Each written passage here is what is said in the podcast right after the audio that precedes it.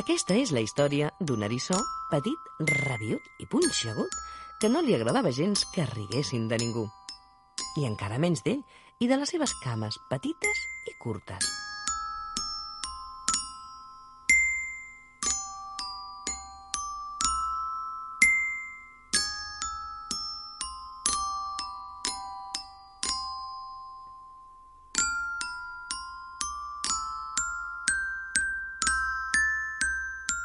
I també és la història d'una llebre que de tan segura que estava que era la més ràpida del món, es pensava que es podia riure de tots els altres.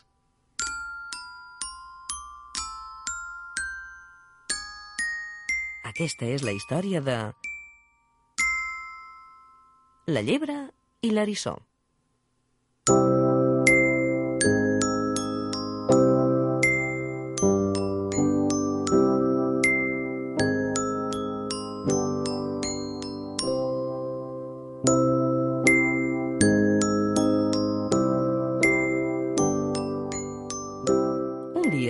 Dia, l'eriçó, rabiut i punxegut, passejava pel camp quan es va trobar la llebre.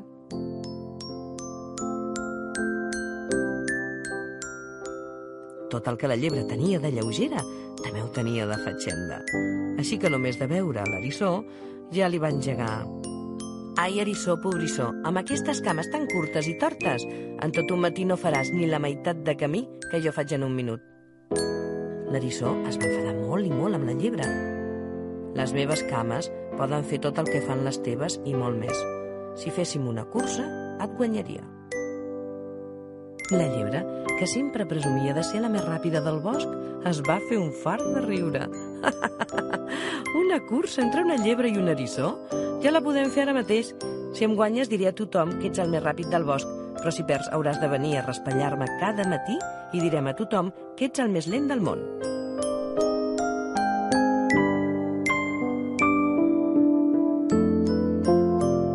L'eriçó va haver d'acceptar l'aposta, però va dir a la llebre Espera't una estona, que no puc córrer si no he esmorzat. Me'n vaig a casa a esmorzar i d'aquí a mitja hora quedem aquí mateix per fer la cursa. Aquí t'espero, va dir la llebre.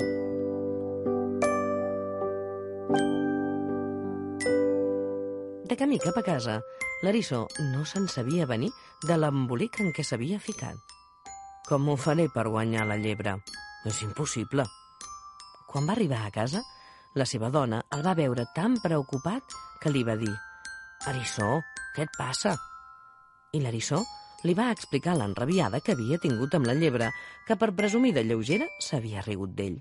Llavors, la dona de l'eriçó li va dir «Tinc una idea. Ja veuràs com farem callar aquesta fatxenda. Farem la cursa al camp llarg.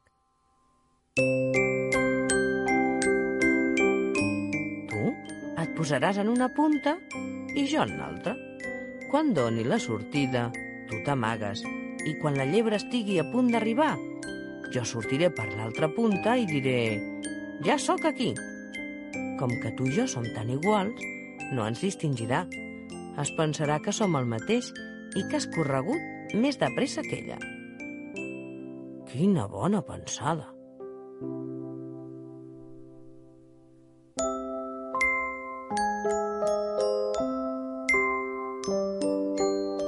I tots dos van sortir de casa per anar-se'n cadascun a una punta diferent del camp. Quan va ser l'hora de fer la cursa, la llebre va dir a l'eriçó «Què? Som-hi?» «Quan vulguis». Es van posar en direcció de sortida i la llebre va dir «Una, dues i tres». La llebre va sortir corrent com un llamp. I l'eriçó va fer dues passes i es va amagar en un sot.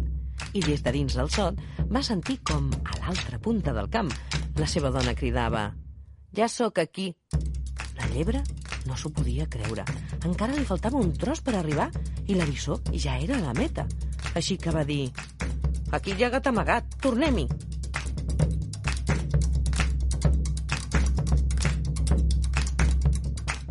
I tant, tants cops com vulguis, va contestar la dona de l'Arissó. I van repetir la cursa de la mateixa manera. Una, dues i tres. Ja sóc aquí, cridava l'Arissó ben content i descansat a l'altra punta del camp. Com que la llebre no se'n sabia venir, es van passar tot el matí corrent cam amunt, cam avall, cam amunt, cam avall. Ja sóc aquí. La llebre cada cop estava més cansada i la parella d'eriçons cada cop més frescos i divertits.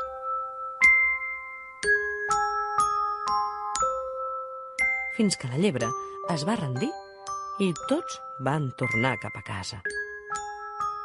I des d'aquell dia, la llebre no es va riure més dels altres, ni va presumir mai més de ser la més ràpida del bosc.